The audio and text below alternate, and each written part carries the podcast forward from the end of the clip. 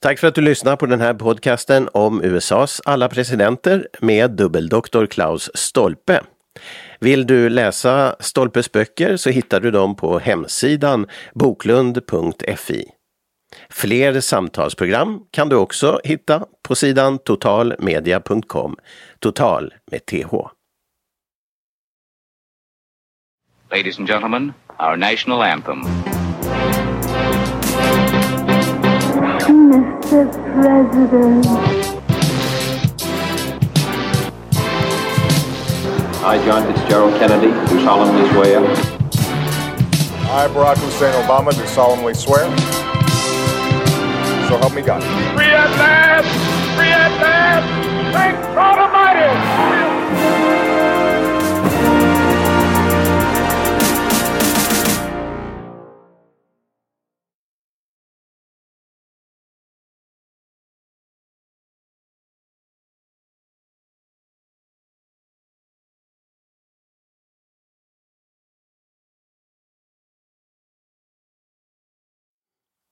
Och idag ska vi äntligen prata om en av de största presidenterna. Det är Abraham Lincoln, president från 1860 till 1865. Och som vanligt i vår serie så är det dubbeldoktor Klaus Stolpe som hjälper oss på färden. Välkommen med! Ja, tusen tack, tusen tack. Och det är ju inte bilen Lincoln vi ska prata om idag, även om bilar är aktuellt också för dig Klaus. Eller hur? Hur är det med Lincoln och bilar? Ja, jag har en Cadillac. Cadillac och Lincoln är ju liksom de här två fina bilmärkena i, i, i USA. Att Cadillac är det här dyraste då från, eller finaste märket från från det här um, General Motors och Lincoln hör ju till Ford-koncernen och deras liksom det här flaggskepp eller vad man ska säga. Jag behöver kanske understryka att min bil så är inte dyr för att det är en sån här halv, halvgammal men ändå inte någon av de här riktiga raritetsårgångarna så att det, det är helt, helt överkomliga, överkomlig hobby. Just det. Vi går nu från Cadillac till Lincoln till den Lincoln som vi ska prata om idag, nämligen presidenten. Och innan vi börjar med lite liksom setting, vi, vi har ju pratat om inbördeskriget och det är väldigt viktigt här. Vi återkommer till det här strax, men Lincoln bara som, som fenomen. Vi har ju liksom sagt det genom den här serien att han är ju han är den största presidenten alltså. Och eh, ja, första frågan, är han, är han nummer ett eller är han, är han ohotad nummer ett på något sätt? Eh, eller, eller är det Washington som är det, eller hur? Ja, jag, jag, jag tycker personligen att Franklin D. Roosevelt är, mm. är nummer ett. För att han hade ju att tampas mot såväl den här stora ekonomiska depressionen på 30-talet som mot uh, Hitler-Tyskland och kejsardömet Japan sen då andra världskriget väl, väl drog igång så att det var ju hans utmaningar var ju större på, på det viset för mm. att om vi nu ser på, på inbördeskrig eller tänker oss hänvisa till det som vi har spelat in tidigare, vilket jag hoppas att folk, folk förstås lyssnar på, så eh, det är ju svårt att tänka sig en annan utgång än att nordstaterna förr eller senare skulle ha vunnit det där mm. kriget. Så att därmed inte sagt att det inte var en tuff utmaning. Och sedan, sedan skulle landet enas efteråt och då vet vi ju inte hur det skulle ha sett ut om Lincoln skulle ha fått chansen att fortsätta. Men han var ju inte, han var ju inte med då helt enkelt. Så att naturligtvis en enorm utmaning eh, att ställas inför ett inbördeskrig. Men att vi ska ju ändå komma ihåg att eh, sett i industrialisering så var nordsidan överlägsen. Mm. Sydsidan var kvar på det här jordbruksstadiet eller vad vi vill kalla det. Ja. Och mycket mera folk bodde i, i, i norr men, och, och, och, så vidare och så vidare. Järnvägen var mycket mer utvecklad i norr och det, vilket ju förstås hade en enorm fördel om man skulle transportera allt från mat till soldater och vapen ut till, ut till frontlinjerna och så vidare och så vidare. Så att eh, eh nordsidan hade ju liksom ett, en, ett enormt övertag från början så pass så att man kan ju tycka med facit i hand är ju allting enkelt men att man kan fråga sig hur sydsidan gjorde som de gjorde helt enkelt. Att det borde med, med, med lite mer framförhållning så borde man fatta att det här kommer inte att sluta bra. Mm. Det är någonting med Lincoln, eh, ja, eh, det här med Roosevelt, han blev ju vald fyra gånger så det är ju också ett tecken på eh, en viss framgång då. Men, men alltså det här med Lincoln som person, det, det, måste ju vara det, om, om du säger att kanske utgången av kriget och så, det hade blivit så, hur som helst eh, sam, på samma sätt i alla fall.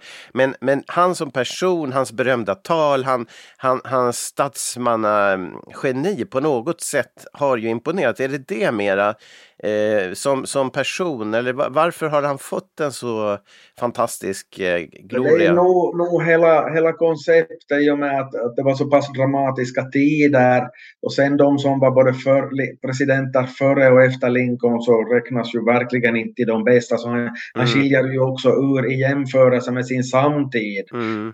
Försökte ju försökte ju faktiskt att uh, undvika det där kriget så långt det, det gick och en sån här sak då som, som sällan eller aldrig tas upp är ju att han var ju villig att gå så långt så att han skulle ha, ha, ha gått med på ett tillägg till konstitutionen att man skulle mm. ha för att garantera att slaveriet, övertyga sydstaterna om att han inte var ut, ute för att uh, förbjuda slaveri helt och hållet, att det skulle via ett tillägg i konstitutionen skulle ha fort, satt vara tillåtet i de delstater där det redan fanns, men att i de nya delstaterna som tillkom, alltså i och med att USA växte vid den här tiden, så där skulle det vara förbjudet. Mm. Okej, där var ju hans tanke att förr eller senare, att trenden i hela världen är ju den att förr eller senare kommer slaveri att, att försvinna, självdö. Mm. Men, men grejen är ju det att vad man nu vet om den här eh, amerikanska konstitutionen, så de tillägg som kommer dit, så de, de sitter ju där sedan helt enkelt. Mm. Att det, det, enda som har blivit upphävt är ju,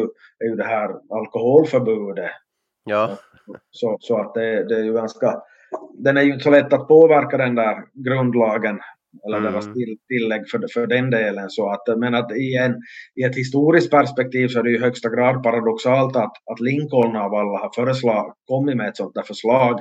Helt enkelt för att Alltså det var ett pragmatiskt förslag, det var ju ingenting som han själv tyckte men att han ville ju undvika ett sånt här krig, mm. att unionen skulle splittras så långt det nu bara var möjligt. Men sedan, jag menar han hade ju suveräna tal och formuleringar och allt mm. det där så att om man googlar Eh, kända citat av statsmän eller av USAs presidenter så Link, eller har en citatbok eller någonting sånt så att eh, Lincoln tenderar nog att vara väl representerad helt enkelt. Och kunde vara ganska, ganska fyndig vissa gånger och, och, och så vidare. Att, alltså skämta till det även på sin egen bekostnad, vilket eh, typ då man gjorde narr av honom för att han var så ful. Så, eller nej, ja, så, så det var bland annat då han hade blev anklagad för att vara two-faced. Eh, mm. Det heter inte tvåansiktad på, på svenska, det heter ju faktiskt kaksinaamainen på finska, så det är ju en direkt översättning från det engelska. Mm. Men att, då hade jag, det vill säga, han är opålitlig att han har han, han, han har det här, han, två olika ansikten som han visar upp och så, och så sa han ju att, men att om jag nu faktiskt skulle ha tillgång till två ansikten så ni tror väl inte att jag skulle visa upp det här, sa han. ja, just det. Nej, men, man, man kan väl tycka att han, han ser märklig ut, men kanske ganska elegant på något sätt ändå. Så, att, så men det är olika i olika tider. Nej, men, eh, ja, men eh, Lincoln, ehm, eh, när du tar upp det här med, med hans eh, eh ja, tillmötesgå sydstaten och så vidare och rädslan för att det ska bli en splittring i unionen. Jag menar, han, han, är, han är ändå där när unionen, hotet om splittring och sen så återskapas unionen. Och det, det är ett fint, eh, eh, liksom en fin medalj för, han, för honom och hans eftermäle. Men eh, vad jag tänker på är det att Många tycker ju att, eller tänker ju att det är slavfrågan som inbördeskriget gäller och vi har tagit upp det lite i våra mm. två specialprogram om inbördeskriget. Ska vi bara säga någonting om det igen? Att, att när, när Lincoln då går sydstaterna till mötes på slavfrågeområdet här så blir det ändå splittring. Så tyder det på att slavfrågan är alltså inte den viktigaste frågan eller huvudfrågan vad det gäller det här? Ja, alltså det, beror, alltså det beror faktiskt på för att formellt sett så handlar ju inbördeskriget mera om att sydstaterna bryter sig ut och mm. i norr så vägrar man att godta det. Men ja. det är klart att slavfrågan finns ju där i grunden i och med att i södern så känner man sin livsstil hotad helt enkelt. Mm. Och, och, tycker att äh, även äh, att, äh, att det är liksom, man ser, man har en sån här grundsyn att delstaterna ska få sköta sig själv Jo. så långt det bara är möjligt och den här statsmakten, det som besluts i Washington, så ska vara så smått som möjligt för att USA är så stort och, och det som gäller i Maine och Vermont och sånt så har ingen bäring i, i nere i Alabama eller Mississippi eller något, något Mm. sådant. Men det är ju klart att i takt med att ett samhälle utvecklas så, så blir ju saker och ting invävda i varandra och det såg man ju om vi lite backar här. Den här lagstiftningen som kom tio år före inbördeskriget, att drygt att ett tu tre så bestämmer man att myndigheter i norr ska vara tvungna att hjälpa till vid infångandet av förrymda slavar. Mm. Och, och en sån sak som visar ju hur pass invävda i varandra där delstaterna var redan då för att, att tidigare så var det väl så att de flesta i norr så ja man tyckte väl inte om slaveri men att strängt taget så var det inte något som man blev påmind om i sin vardag. Mm. Men sen 93 så känner man sig degraderade till någon slags slavjägare som ska passa upp de här plantagekapitalisterna nere i södern och då, Mm. Då liksom plötsligt så tilltar det där motståndet mot slaveriet. Så Ja. att, att ju, ju, mer, ju längre tiden går och ju mer ett samhälle utvecklas desto mer får olika delar av ett samhälle eller ett land med varandra att göra. Om man Mm. går tillbaka till början av USAs självständighet så var det ju mm, väldigt eh, kunde det vara väldigt vilda diskussioner om huruvida man skulle bygga kanaler och vägar och sånt som gick över en delstatsgräns för att många tyckte att men det är ju onödigt för vi har ju något med varandra att göra. Ja. Varför ska vi bygga något sånt där? Det bara Ja. kostar. ja, just det. Moder, modernt påfund. Men, men man kan säga att det, slavfrågan är ju viktig, men det är inte alltid det här. Nej, det, är- det, är- det är inte allt, men att den finns ju där och, och- spökar i bakgrunden naturligtvis. Mm.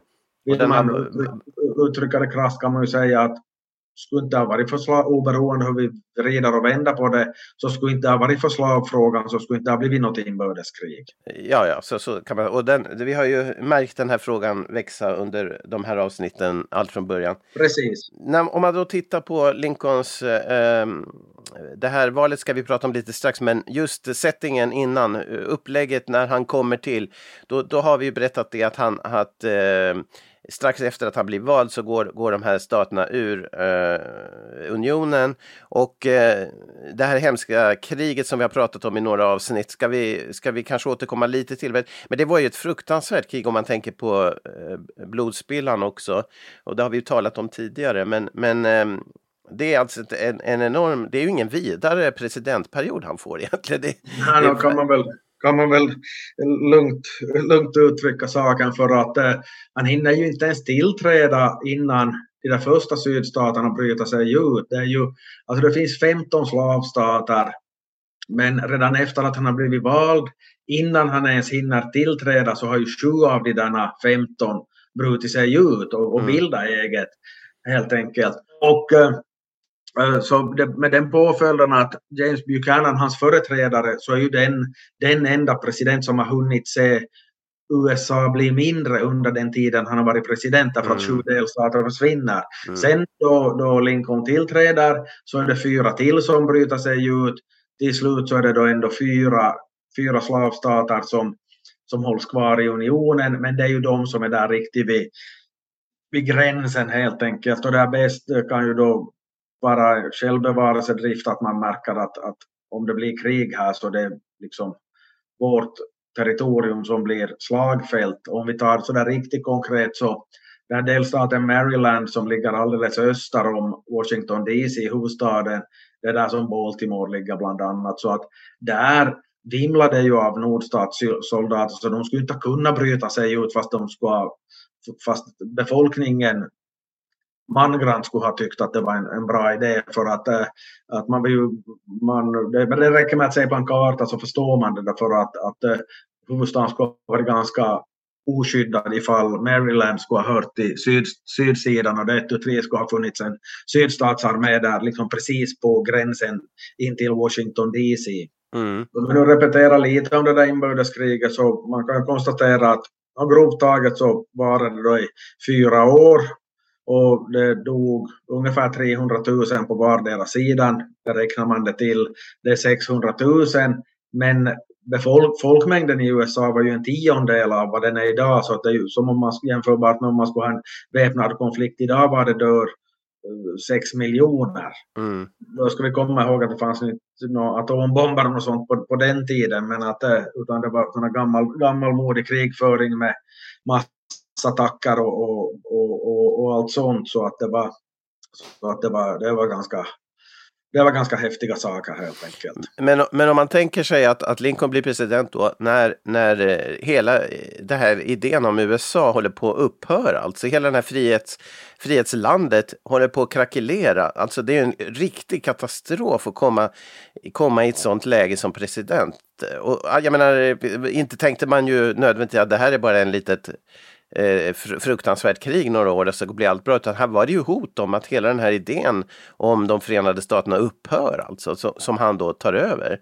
Eh, eller hur? Ja, ja, ja, ja, ja, ja, nej, men så, så är det. Det är ju dramatiskt i allra högsta grad, för inte sitter man ju där med facit i hand sen då, då, då kriget väl börjar, utan då blir det mer så att hur tusan ska det här gå? Och sedan så ska vi då komma ihåg att, äh, att äh, det fanns ju många familjer var, var det kunde vara äh,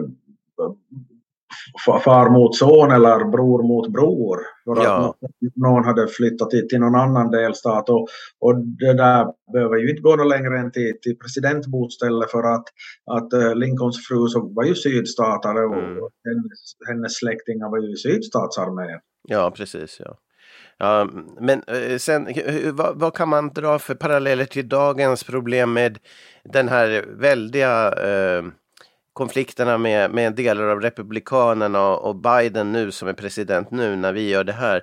Eh, liksom den, det hotet mot eh, Förenta Staterna då, som, som, finns det några likheter här? I, i... Alltså likheter så tillvida att äh, läget i, i USA under de senaste åren så äh, det har ju inte varit så här polariserat sedan inbördeskrigets dagar. Mm. Och under senare tiden kring inbördeskriget så då kunde problemet vara att, att det fanns bara en, på sin höjd en tillgänglig dagstidning och alla kunde nog inte läsa heller för den delen. Så att eh, då var ju frågan att hur pass objektiv var den tidningen och så fick man bara en del av sanningen och det var en massa skvaller och så vidare. I dagens läge så har vi för många informationskanaler så man kan inte följa med alla och då är det lätt hänt att man helt enkelt tyr sig till Fox News eller vem som nu bekräftar det som man egentligen tänkte så att man, mm. man blir ändå onåbar för den andra sidans. Sen är det en annan sak att, eh, att hur långt kan det gå? Vi, jag sitter, ibland ser man några rubriker om att det kan bli inbördeskrig i USA men, men det, det handlar ju inte om att att vi har två arméer som träffas vid Gettysburg och gör upp vem som har rätt, utan det är ju eh, om man utvecklar det där lite och det här är inte liksom jag som har kläckt de här tankarna så att jag ska inte plagiera andra människor men att jag har ju sett liksom texter av sådana som är in, experter på inbördeskrig sådär globalt och historiskt och drar paralleller till det som då jag minns från vår uppväxt, alltså den situationen i, i Nordirland, mm. var, var att man, diverse liksom sprängdåd och, och, och allt, allt, allt sånt därför att man var i det fallet oense om att vart ska Nordirland egentligen höra? Ska det höra till, till Storbritannien eller borde det egentligen vara så att hela ön Irland hör till republiken Irland och, och så vidare. Och sen i något skede så börjar man ja, helt enkelt konstatera att ändamålet helgar, helgar medlen. Det, det är liksom en, en, utveckling i den riktningen som, som jag ser som riskabel här. Eller inte bara jag, utan även, även sådana som liksom har möjlighet att dra paralleller till andra länder och kulturer och i, i tid och rum helt enkelt. Mm. Ja, men eh, eh intressant att det är så så, så långt tillbaka som man får leta i alla fall från jämförelsen med, med eh, det där kriget och eh, frihet, alltså inbördeskrigstiden när det mm. gäller polarisering. Det är ju ja, ja, ja. Men i alla fall tillbaka till Lincoln som person och eh, han man, man, nu tycker vi att han är ganska modern jämfört med alla gubbarna vi har pratat med tidigare och Founding Fathers som vi har pratat om tidigare. Men eh, faktum är att han är, är född i, i, ungefär då när Finland blev, blev eh, förlorades av Sverige till, till Ryssland egentligen. Så det är länge sedan. Ja, Märkesåret 1809. Jo, jo, jo det, det, är ganska, eller det är ganska exakt för att det är väl 1809 som han är, han är född helt enkelt. Så att det, det är det här han det var väl ungefär samtidigt, ganska exakt samtidigt, att de är några månaders skillnad, jag har inte koll på alla detaljer, men att samtidigt som den här Gustav den fjärde Adolf så helt enkelt petades bort från svenska tronen, så att det är ju, mm. det, det, är ju inte igår han var född direkt, utan men och var han sen under sin karriär innan han blev president mycket aktiv politiskt eller man vet inte så mycket om den tiden före? Ja, no, säg inte det alltså. Han, han var, alltså republikanerna fanns ju inte då, då mm. han aktiverade sig. men att då, det fanns ju ett annat, de som har hört de här tidigare avsnitten så vet ju att före Republikanerna så, så var det ett, ett annat tvåpartisystem mellan Whigs och Demokraterna och Lincoln så, så hörde till Whigs. Mm. Och eh, sen då, då, då Republikanerna grundas där i en, en bit in på på 1850-talet och Whigs i praktiken dör ut så, så eh, då Republikanerna där självklara valet och då blir han ju sen det partiets första och uh, får man ju med fog säga mest legendariska president helt enkelt. Mm. Han, han blev vald två gånger men att, uh, att efter att han har svurit president den för andra gången så är det bara lite över en månad, det är väl 42 dagar eller något sånt innan han blir, blir skjuten då i samband med ett, ett teaterbesök. Mm. Ja, så att den här förbannelsen om presidenter som är valda på på uh, jämnt, uh, jämnt tiotal alltså. uh, som den vi har pratat om tidigare, den slår på något sätt in fast lite för sent. Ja, nej, alltså inte ens för sent utan den där förbannelsen så, så ja, det är ju en skröna förstås. Jag, jag, jag, tror inte på sådana saker ska jag väl säga, men det kan ju vara som kuriosa det är ju intressant att, att de här att det är en sån där indianförbannelse sägs det då i samband med att William Harrison vinner valet 1840 att det, det heter då att den president som väljs på ett årtal som börjar eller som slutar med siffran noll så kommer att dö under sin ämbetstid men det är ju mm. att man behöver dö under den där första mandatperioden för Roosevelt till exempel, som, eller vadå till exempel, det är ju bästa, tydligaste exempel, så han, in, han väljs ju han väljs ju 1940 men det är då redan tredje gången han blir vald. Men han blir ju också vald 1944 och sen så dör han några månader in på, på den här fjärde mandatperioden. Så att, att det, det är inte något som säger att man måste ha, ha blivit vald första gången på ett årtal som slutar med en nolla och, och sedan dör under den mandatperioden. Mm. Ja, vi får se. Den, den verkar eh, skrämmande eh, träffande flera gånger. ja, alltså det, var ju, det, det inträffar ju då vart var 20 år, alltså 1840, 1860, 1880 och så vidare. Och, mm. och det där slår ju in alltså ända fram till Reagan som blir vald 1980, så att den sista som mm. drabbades så var ju JFK, Kennedy som då valdes 1960 och, och, och då blev skjuten 22 november 1963. Så att eh, jag firar för övrigt 34 gjorde jag inte, men att jag idkade 34-årsdagen med att disputera i statskunskap. Jaha, okej. Okay. Ja, märkesdag, men, eh, men lite skrämmande sådan. Men, eh, men den här, eh, det, det, här, eh, Lincoln blir ju alltså skjuten då i, i, i, sin andra period ganska snart efter den börjar och men det finns, du har berättat att det finns någon vittnesmål på tv om från det här tillfället när Booth eh, alltså skjuter honom på en teater? Alltså det finns på Youtube, jag sitter där flera gånger. Det är alltså en... I TVns barndom så hade någon, i USA så hade man eh, något TV-program som heter I've got a secret och så är det någon sån här, något sån här tävlande då som ska ställa frågor av den här gästen i programmet och så ska de försöka lista ut vad det är för hemlighet som den här gästen har. Och då är det en karl mm. som heter Samuel Seymour som var född 1860, alltså samma år som Lincoln sedermera blev vald, men tidigare på året så att, James Buchanan var president och Samuel Seymour föds. Och Samuel Seymour så ställer upp i tv, han är 96, 95, 96 år. Och, och Mm. han är, man ser ju på honom också att han är, han är inte ens ung för sin ålder om vi säger så. Lite lomhörd och sånt och så Nej. ska de, ska de gi- gissa då att ställa frågor att, att var ni väldigt rädda då det här hände? Och ja, jag höll på att eh, skita på mig ungefär. Eller I was scared to death. Och, och så vidare. Och sen så, så är det ju att han hade då som barn följt med sina föräldrar till Fords Theatre och eh, sett på den där pjäsen då var, var alltså Lincoln blir skjuten. Ja, otroligt alltså. Men det är helt fantastiskt alltså att, att någon som har sett det där så ungefär mig och berättar om det på TV. Ja, det visar ju att det är, vi har inte så långt kvar tills vi kommer till modern tid. Men, men att eh, han, han, eh, programledaren var väl, vad jag såg den, så också den där, eh, programledaren gjorde väl en hel del av han, han ut, drog ut det viktiga för han var ja, rätt ja gammal så, så, och så, så är det eh, lite frånvarande Ja, kanske. så. Ja. gammal var han Men-. Så att det, det, liksom i, som tv-underhållning så är det ju inte mycket värt. Jag menar tv-program från 50-talet och så vidare. Men att det är ju som den där kuriositeten så är ju, det är ju det som är fascinerande. Alltså, så. Hitta, hitta, hitta en sån där kille och släpa honom till tv-studion. Mm, precis. Och det finns säkert eh, intervjuer med honom tidigare i tidningar också.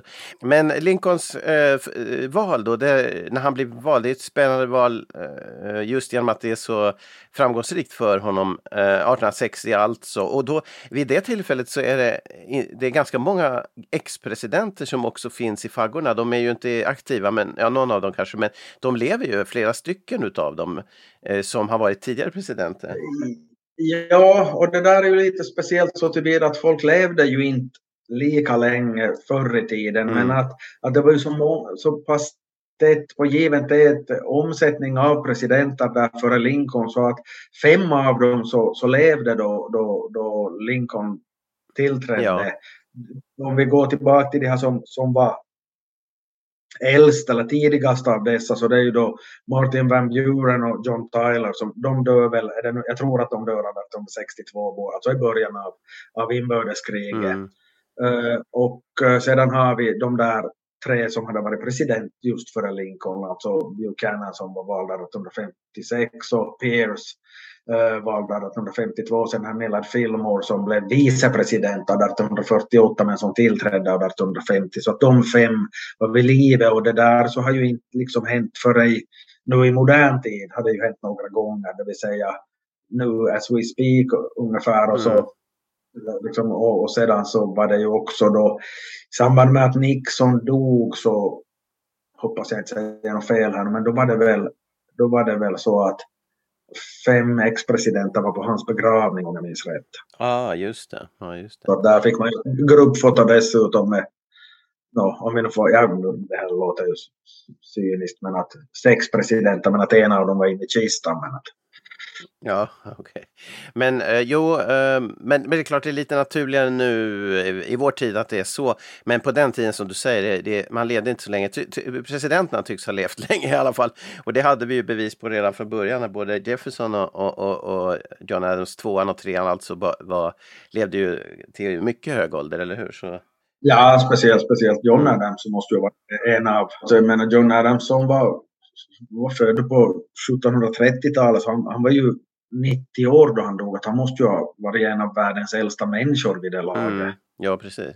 Ja, men okej, men det här segervalet 1860, eh, hur var det då för Lincoln? Berätta lite om det. Ja, det där är ju faktiskt ett av de där, inte bara för att det handlar om Lincoln, utan det är ju ett av de där mest intressanta presidentvalen någonsin för att det var ju det var ju alltså fyra kandidater som delade på elektorsrösterna så att det var kanske till, mot den bakgrunden lite konstigt att att, äh, att, äh, att någon fick en majoritet av elektorsrösterna men det var ju bara det att Lincoln var ju att han fick ju inga röster alls i södern men att då i norr så så, så fick han ju de flesta delstater men att totalt sett så hade han ju mindre än 40 procent av rösterna mm. utav folket.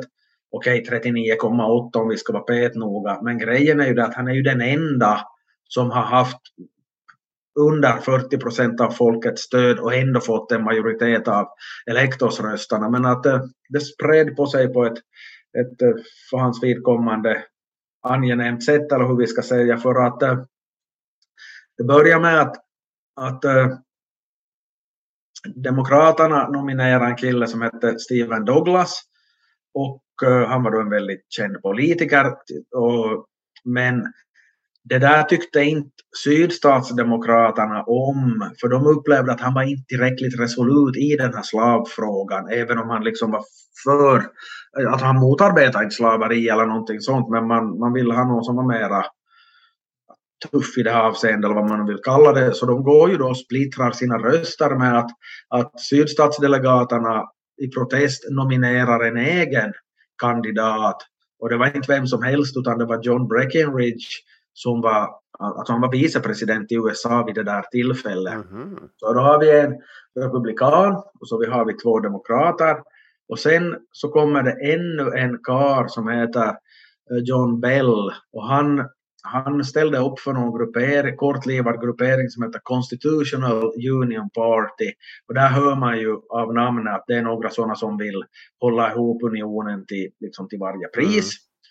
Mm. Och eh, föga förvånande så den här Bell, så han vinner elektorsröster i de här gränsstaterna. Mm. Det vill säga folk som inser att om det här brakar loss så det är ju liksom på min bakgård som det är krig. Mm. Att det är lättare för någon som bor uppe i Maine eller för någon som bor nere i Alabama. För det är inte där det kommer att smälla till först. Utan det, det är alltså det är på min bakgård som slagen kommer att stå. Mm. Så att följaktligen har vi fyra kandidater och märk väl, av dessa fyra så Lincoln var den som var helt enkelt den minst meriterade rent politiskt. Mm. Han var liksom så tillvida doldisen i sammanhanget om man ser till, till det förflutna, till meriterna, till, till CVn om man så vill. Mm. Sen är det ju att han väckte ju massor av uppmärksamhet i och med att att eh, man då såg att nu, nu kanske det är någon från det här nya partiet, Republikanerna, som till och med kan vinna.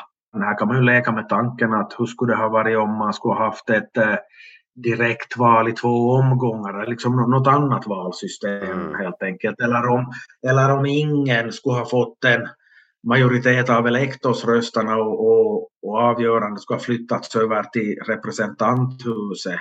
Hur skulle det då ha gått?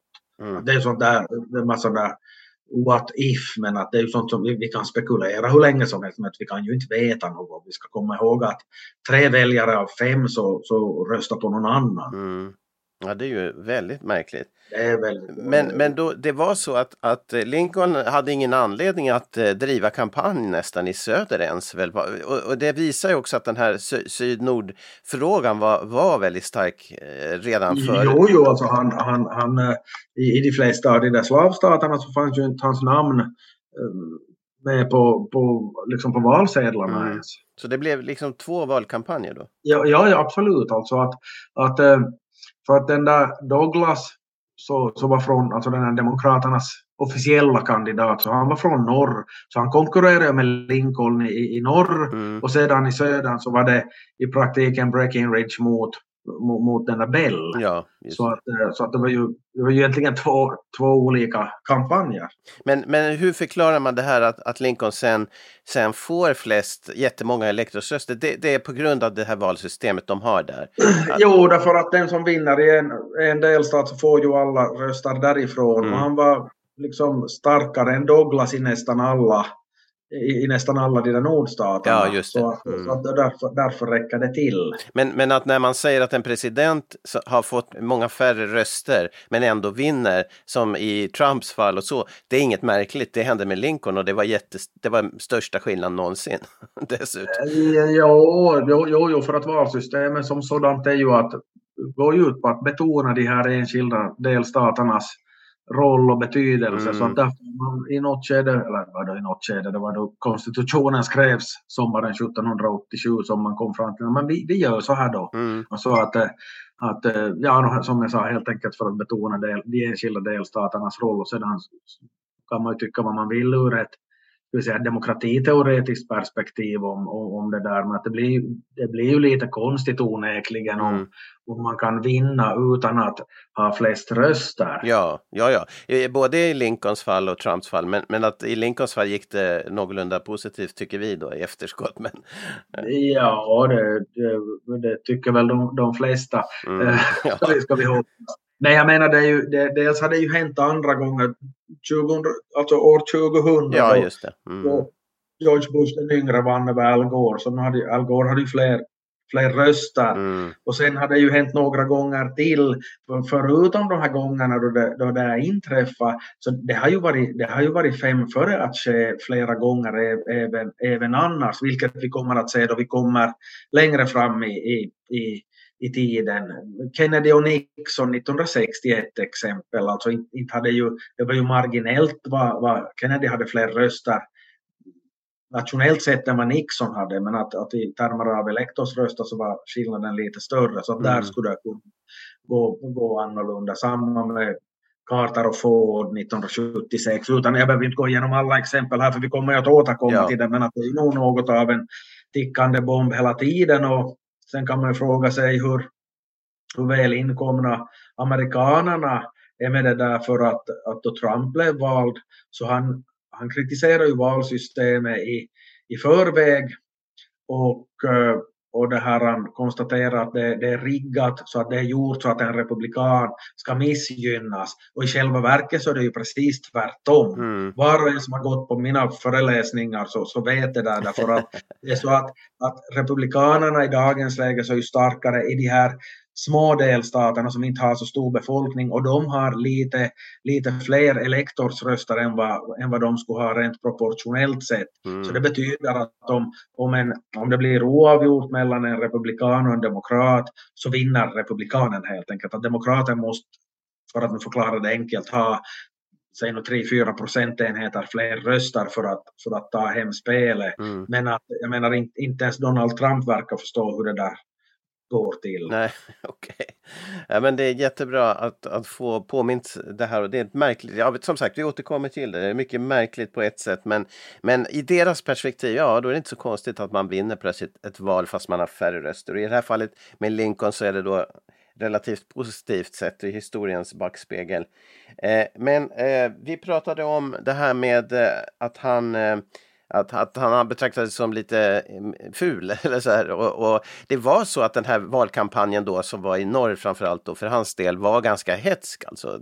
Ja, det, det, det, det var det ju nog. Det var det ju nog för att det är ju klart att då det är så pass dramatiskt och folk börjar tala om att några delstater kanske ska, eller ska dra sig ur och, och att det kan bli inbördeskrig och sånt. Så att det är klart det, det, ja, det, det höjer ju insatserna helt enkelt. Mm. Så att det, det var ju, det var ju väldigt, väldigt tuffa ordalag och liksom eh, Ja, det hade ju redan före inbördeskriget så det hade ju kom, förekommit väpnade sammanstötningar, framförallt i Kansas men även på, på, på, på annat håll. Så att det, gick, det, det var ju väldigt dramatiska tider Mm. även före Lincoln. Och det är ju klart, det där sätter ju sin prägel på, på, på, på det här, eh, på själva valkampanjen och kunde förekomma sådana skämtteckningar var det någon bjudning, eh, var Lincoln eh, har någon fin bjudning och det är en massa färgade som är där som är då uppklädda till tänderna i sådana överklasskläder men att de har ju, det är ju pratbubblor då vad, vad de här tecknade figurerna talar om och det, de här färgade så talar ju med någon sån här ja, slang helt enkelt, slavslang eller vad vi vill kalla det. Så att de man läser de pratbubblorna så att det är ganska svårt att förstå vad det är de säger egentligen för att det är ju det är väldigt så, ska vi kalla det dialektalt eller vad vi nu vill kalla det. Så, att, men att, så, så där blir det sen om, om, om Lincoln får bestämma, hör och häpna. Ja, just skrämma. Jaha, eh, men eh, en annan sak som visar hur, hur allvarligt det var läge, det är ju valdeltagandet väl, kan man väl Ja, säga. precis, ja, ja, e- exakt. Det är ju det är ju det näst högsta valdeltagande någonsin. Nu vill jag då understryka att, att det förekom väl hel del valfusk och sånt förr i tiden. Det var lättare, man kunde liksom lägga falska röstsedlar i valurnan eller, eller vad, vad, som helst. Eh, Så att vi, kan, vi ska kanske ta de där siffrorna med en liten nypa salt, men, men att om vi nu ser på de här officiella uppgifterna så ska jag vara petnoga så var det 81,2 procent Mm. som gick och röstade och det är alltså fyra av fem eller lite till. Och det är det, det, är det här det näst högsta någonsin för att sen 1876, ett intressant val som vi får återkomma till, så är det då 81,8, alltså 0,6 procentenheter högre. Aha, okej. Mm. Och, och, och, och nu för att jämföra så att, att nu senast så var det väl två av tre som gick och röstade, att jag tar bara minne, men valdeltagande var väl något 65-66 procent, vilket var väldigt högt för att vara i USA. I vår tid, ja. Mm. Ja, precis, ja, precis i vår tid. För att eh, vi ska komma ihåg här att i de flesta delstater så vet man ju ändå i förväg vem som kommer att vinna i den delstaten och man tycker att redan det skulle ju effektivt ta ner på valdeltagandet. Det skulle bli så att varför bry sig? Vi vet ju ändå, även om det är spännande på riksnivå, så att vi här i delstat den och den så vet att det är den personen som kommer att vinna. Så Mm. att, eh, för övrigt är det val 1876 och det är ju också ett av de där då den som sen blir president så är inte den som har flest röster. Men mer Ja. om det i ett kom- kommande avsnitt. Ja, men där ser man likheterna. Men eh, det, det som är märkligt sen när, när Lincoln då blir president, och vi har ju som sagt pratat en hel del om inbördeskriget som är en stor del av hans eh, presidentperiod, då är det ju majoriteten av tiden. Eh, I alla fall så har vi gjort det i två andra avsnitt som du kan lyssna på, eh, specialavsnitt om just det. Men eh, under den tiden så är det en president till. Alltså sydstaterna har till och med en egen president. Eh, vilket är lite som jag inte vet kanske om riktigt. Det är märkligt att USA har faktiskt, eller vad ska man säga, Amerika, eh, de oförenade staterna har plötsligt två presidenter där. Vem var det och varför? Eh, Jefferson Davis hette han. Han var, han var, då, han var den enda presidenten som, som sydstaterna hade för att han, han var den som var president under hela den korta tid som Amerikas konfedererade stater, Confederate States of America, Mm. existerar. Så, att, så, så, var, så, var, så var det med honom. Men han var släkt med en tidigare president eller, eller ingift? Ja, alltså det var så att han hade han var adjutant åt, åt, åt den här Zachary Taylor som, som vi har talat om tidigare, han som blev vald 1848 men som dog i någon form av matförgiftning 1850. Och den här Zachary Taylor var ju en gammal ja, militär, yrkesmilitär general och den där Jefferson Davis så var, så var adjutant åt honom men då i något skede så kom han i kontakt med Taylors dotter och tycke uppstod. Eh, jag tyckte väl inte Zachary Taylor att den där Jefferson Davis var någonting att satsa på men Mhm. att för att de här unga tu så att de smet iväg helt enkelt. Så det låter ju superromantiskt. Så att, att, att adjutanten, adjutanten smiter iväg med generalens dotter och gifta sig. Det som då är lite trist med tanke på om någon skulle vilja göra ett, eh, en film eller bok om det hela, att den där, den där hustrun så, så hon dör, att hon får malaria. Det, fann, det var ju en sjukdom som fanns på, på den tiden. Mm, Att hon, hon dör helt enkelt. just. Så att, men att det är helt enkelt han, han, han, han smet iväg med Taylors dotter så att släkt, släkt var det inte men ingift men, eh, men den här, jag ska säga svärfar var inte så, nö- så, var inte så nöjd. Nej. Men eh, Jefferson Davis hade ju tydligt eh, erfarenhet av krig då som president för sydstaterna. Men hur var det med Lincolns erfarenhet av eh, strider och eh, krigsföring? Var han, hade han varit inblandad på något sätt i det där? Ja, han hade varit med i samma krig som den här Jefferson Davis. Mm. Eh, Det fanns ett eh, alltså Black Hawk-kriget 1932, det vill säga då var ju Lincoln bara 23 år. Och, eh, så, eller bara och bara, man är ju förstås krigför i ålder och så vidare. Men att, eh, att eh, Lincoln så tog värvning men han hann väl, han hade, det finns inte någonting som bevisar att han skulle hamna, hunnit hamna ut i konkret strid. Mhm. Det var däremot den här Jefferson Davis som var, som var betydligt mer aktiv för att, att det, här, det här kriget 1832, Black Hawk-kriget, så, så handlar om Eh, att eh, president Jackson då hade ju förbjudit ursprungsbefolkningen, indianerna vill kalla dem, att bo öster om Mississippifloden, så de, de blev ju fördrivna. Men att uppe i de här territorierna i de delstater som vi idag känner som Illinois och Michigan, så var det en del stammar som vägrade att finna sig i det. Alltså de, de flyttade de flyttade hem på nytt och det blev då, det blev då väldans rabalder om det där och om någon tycker att det där Black Hawk klingar bekant så det, det är alltså om någon av ni som lyssnar på det här programmet tycker om ishockey så har ni då med 100% sannolikhet eller säkerhet hört talas om ett, ett ishockeylag från just nyss nämnda Illinois som heter Chicago Blackhawks mm. och de är döpta efter den där indianhövdingen. Nå, då, då, den där, då den här Blackhawk blev tillfångatagen så skulle han transporteras då till något, något ställe var man skulle ha honom i förvar. Och då, då, var det, då gav Taylor uppdraget, för det var han som ledde de där militära styrkorna där, så han ledde uppdraget av den här transporten till sin eh, blivande svärson Jefferson Davis, så det är Jefferson Davis som transporterar denna indianhövding som har gett namn åt ett ishockeylag i NHL. Men nu vet, nu vet allihopa varifrån Chicago Blackhawks har fått sitt namn. Men vart transporterar honom? Var... Alltså, det, det, det, fånges, jag minns inte detaljerna, men att det, det är ju klart att om man nu, om vi säger att man tar, tar någon till fånga ute i fält någonstans eller ute i en skog eller ute på prärien eller wherever, så man håller ju inte den där personen där utan man ska föra honom för att då, då är det ju större risk att man blir angripen av, av fångens bundsförvanter som vill frita honom. Mm. Så att, men de där detaljerna, var han blev tillfångatagen och, eh, och vart han fördes, men till någon form av fängelseförvar så, så att eh, de, de detaljerna som kommer. Jag minns inte ens om jag någonsin kollade. Just det, och, då, och det är alltså svärfar och motvilliga svärfar och blivande president. Ja, ja, han, var ju, han, var ju inte, han var ju inte svärfar då än. Nej, då. men blivande både svärfar och, och president faktiskt.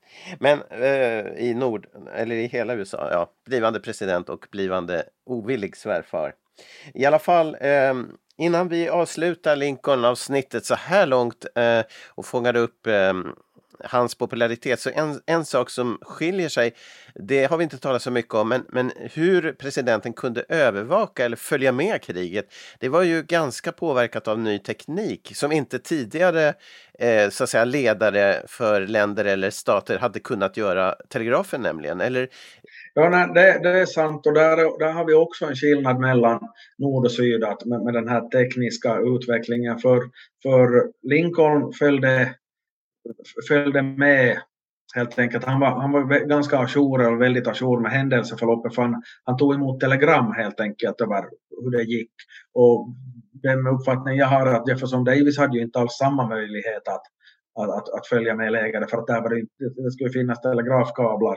Ett system. Och förstås, eh, ju, ju längre kriget led så, så blev ju infrastrukturen mer och mer förstörd i, i sydstaterna, så de telegrafstolpar som kanske har funnits från början, om det alls fanns några att tala om, så tenderar väl att bli förstörda. Så att, eh, så att där hade ju nordstaterna ännu en, en fördel via, eh, via att man var mer, det var mer utvecklat helt enkelt. Att man var mer fokuserad på, på bom, bomull och andra grödor i, nere i söder. Ja, just det. Ja, Eh, men Lincoln då som president, hur, hur har du tänkt när du gav honom poäng och vad var det? För han blev inte nummer ett för dig i alla fall. Eh, vad, vad var det liksom som, eh, som, som påverkade din poängsättning? Nej, men det var ju alla möjliga sådana grejer med popularitet och hur väl man har, har, har det här eh, lyckats handskas med de problem som fanns i samhället för tillfället och mm. man förstärkte presidentämbetet och allt sånt. Så det är klart att han kommer ju väldigt, väldigt högt upp. Mm. Men, men det är oaktat så att om man måste börja to tolka det mellan de här som kommer på samma poäng om vi säger så. Så jag tycker ju ändå att, att de utmaningar som Roosevelt ställdes inför så var större för att eh, eh han hade både den här The Great Depression och andra världskriget att tampas med och i ingen där fallet var, kunde man vara helt säker på liksom utgången i det hela. Inbördeskrig i all ära hur fruktansvärt det är då ett, då ett land delas och allt det där men att eh, nordstaterna hade, hade ju ändå ett, ett så pass starkt överläge från, från, från början så att det skulle ha varit märkligt om de inte skulle ha, hade det här um, ridit ut stormen förr eller senare. Sydstaternas chans skulle väl ha varit om man, alltså de hade ju mer de hade ju ett visst övertag med skolat befäl, men att det skulle ha varit om de skulle ha på något vis intagit och ockuperat Washington DC alldeles i början av kriget men att det, det lyckades man nog inte med. Men att, att, eh, det vill säga man skulle ha vunnit via någon sån här blixtseger men att ju längre kriget led så blev det ju helt klart. Den blev tydligare och tydligare den där skillnaden att då, då folk stupar så de som har mer folk att ta av så har lättare att, att eh, fylla på med manskap. Mm. Men som sagt, eh, vilken poäng fick, eller vilken, eh, på vilket nummer hamnade han i din? Ja, jag satt, jag satt honom som två efter, mm. efter, efter Roosevelt helt enkelt. Och var har vi Washington i din nu på? Ja, han, är, han, är, han är tre, tre. Ja, just det. Ja, men Jefferson förresten då? Thomas Jefferson är var han nummer fyra och, och Theodore Roosevelt femma. Och sen Jefferson Davis som väl var kanske döpt efter Thomas Jefferson kan vi väl gissa oss till eventuellt. Så han är ju då inte med för det var inte USA han var president Nej, för, just det. Amerikas konfedererade stater. Konfederer Jaha, bra, spännande med Lincoln. Vi får säkert anledning att ta upp några trådar nästa avsnitt också, som vi brukar i början av varje avsnitt. Men eh, jag skulle fråga dig lite grann om kommande presidenten Andrew Johnson är det så? No, han, är ju, han är ju oerhört speciell och det säger jag kanske om alla presidenter därför att no, redan blir du ja.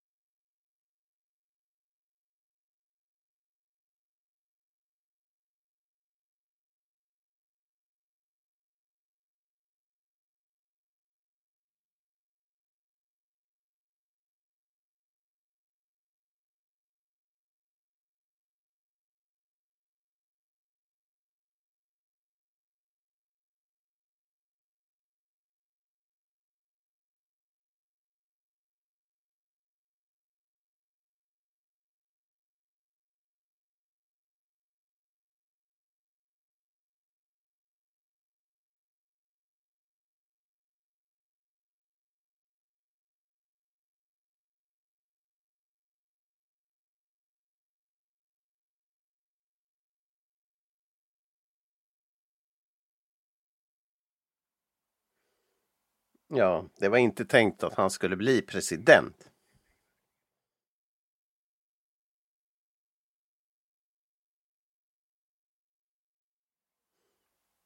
Ja, spännande. I nästa avsnitt blir det och vi tackar så mycket för det här om Abraham Lincoln. Eh, tack så mycket Klaus Stolpe. Ja, tack själv. Tack själv.